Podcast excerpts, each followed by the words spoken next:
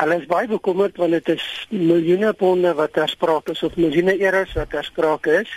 Maar die goeie nuus vir hulle is dat die ooreenkoms wat gister met die DIP bereik is, beteken hulle gaan 'n addisionele 1 um, miljard pond van die Britse regering ontvang oor die volgende 2 jaar.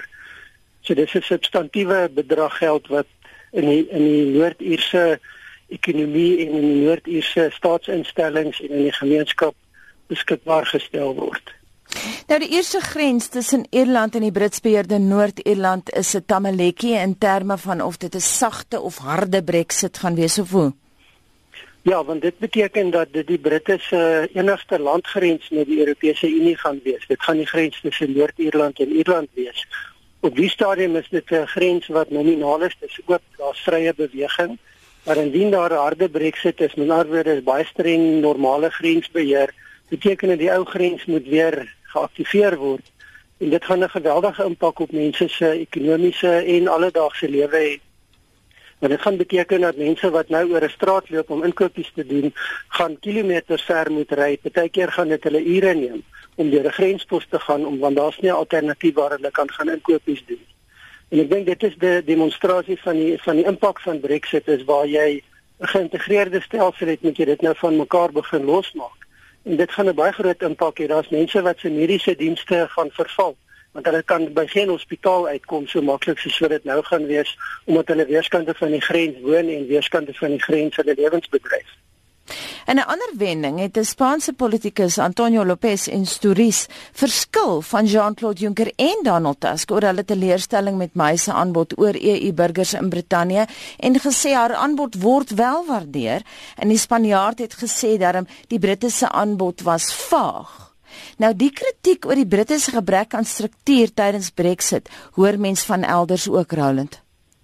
Ja, dit is 'n groot probleem en ek dink die rede is dat dit op die stadium die begin van die proses is. Ek vermoed die Britte wil nie te veel op die tafel sit as 'n as 'n openingsaanbod nie want dan word hulle van daar verder geneem in die onderhandelinge. So ek dink hulle probeer om vaag te wees.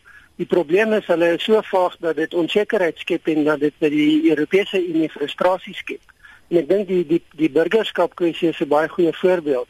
Ehm um, wat Theresa May gister bekend gemaak het is dat mense wat aan die verblyfreg vereistes in Brittanje voldoen sal hulle verblyfreg behou. Mense wat 5 jaar of langer daar bly, gaan daar bly, daar gaan niks verander nie. Hulle kan selfs hulle families Brittanje toe bring en dan sekere van die ehm um, pensioen en mediese vereistes kan hulle indeel of voordele.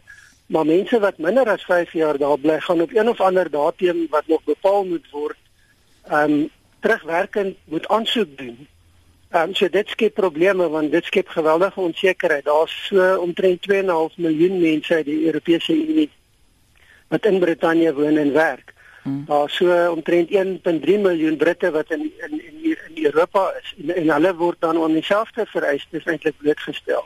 So die die vaagheid, die onsekerheid Die Europese Unie wil hê die stelsel moet bly soos wat dit is onder beheer van van van die Europese Unie wetgewing en die Europese Hof. Die Britte lyk of hulle wil 'n stelsel hê wat hulle soewereiniteit erken waar hulle alleen besluit, maar dit gaan definitief negatiewe implikasies hê.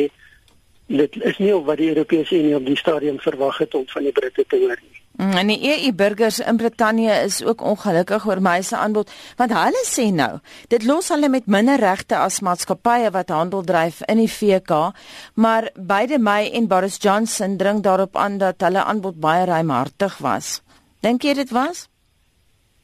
Wel, ek dink dit is dalk vir hulle ruimhartig in die sin dat hulle so min as moontlik wil prys gee, maar ek vermoed weer dis 'n openingsaanbod vir die onderhandelinge.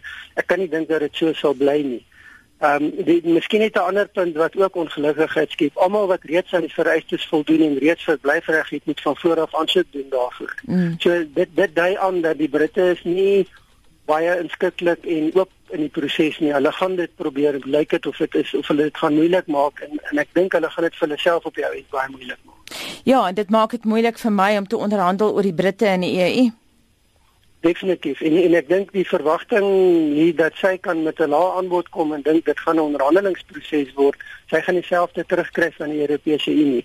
En ek dink die feit van die saak is dat alhoewel daar dalk goeie gesindhede is en goeie trou tot op 'n vlak is, Die Europese Unie gaan nie die Britte ter wille wees om vir die Britte alles te gee wat hulle wil hê om hulle uit hulle politieke verknorsing te red nie.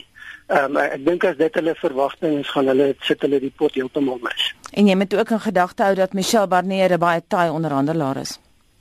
Ongetwyfeld, maar hy is nie die enigste een nie. Mm. Absoluut. Raul het jy iets byvoeg daar? Ja, ek ek dink dit is maar die onsekerhede en wat mense nou sal moet sien is wat gaan die Britte doen om die proses te versnel? Hoe gaan hulle die proses bestuur? Leer hulle iets uit hierdie aanvanklike ronde gesprekke uit sodat hulle dalk met meer konkrete voorstelle op die tafel gaan kom? Of dink hulle hierdie is die manier hoe hulle die Europese Unie gaan kry om met teenvoorstelle te kom wat hulle dan as basis van onderhandeling kan gebruik? En, en dit is 'n strategie wat nog nie duidelik is op die stadium nie.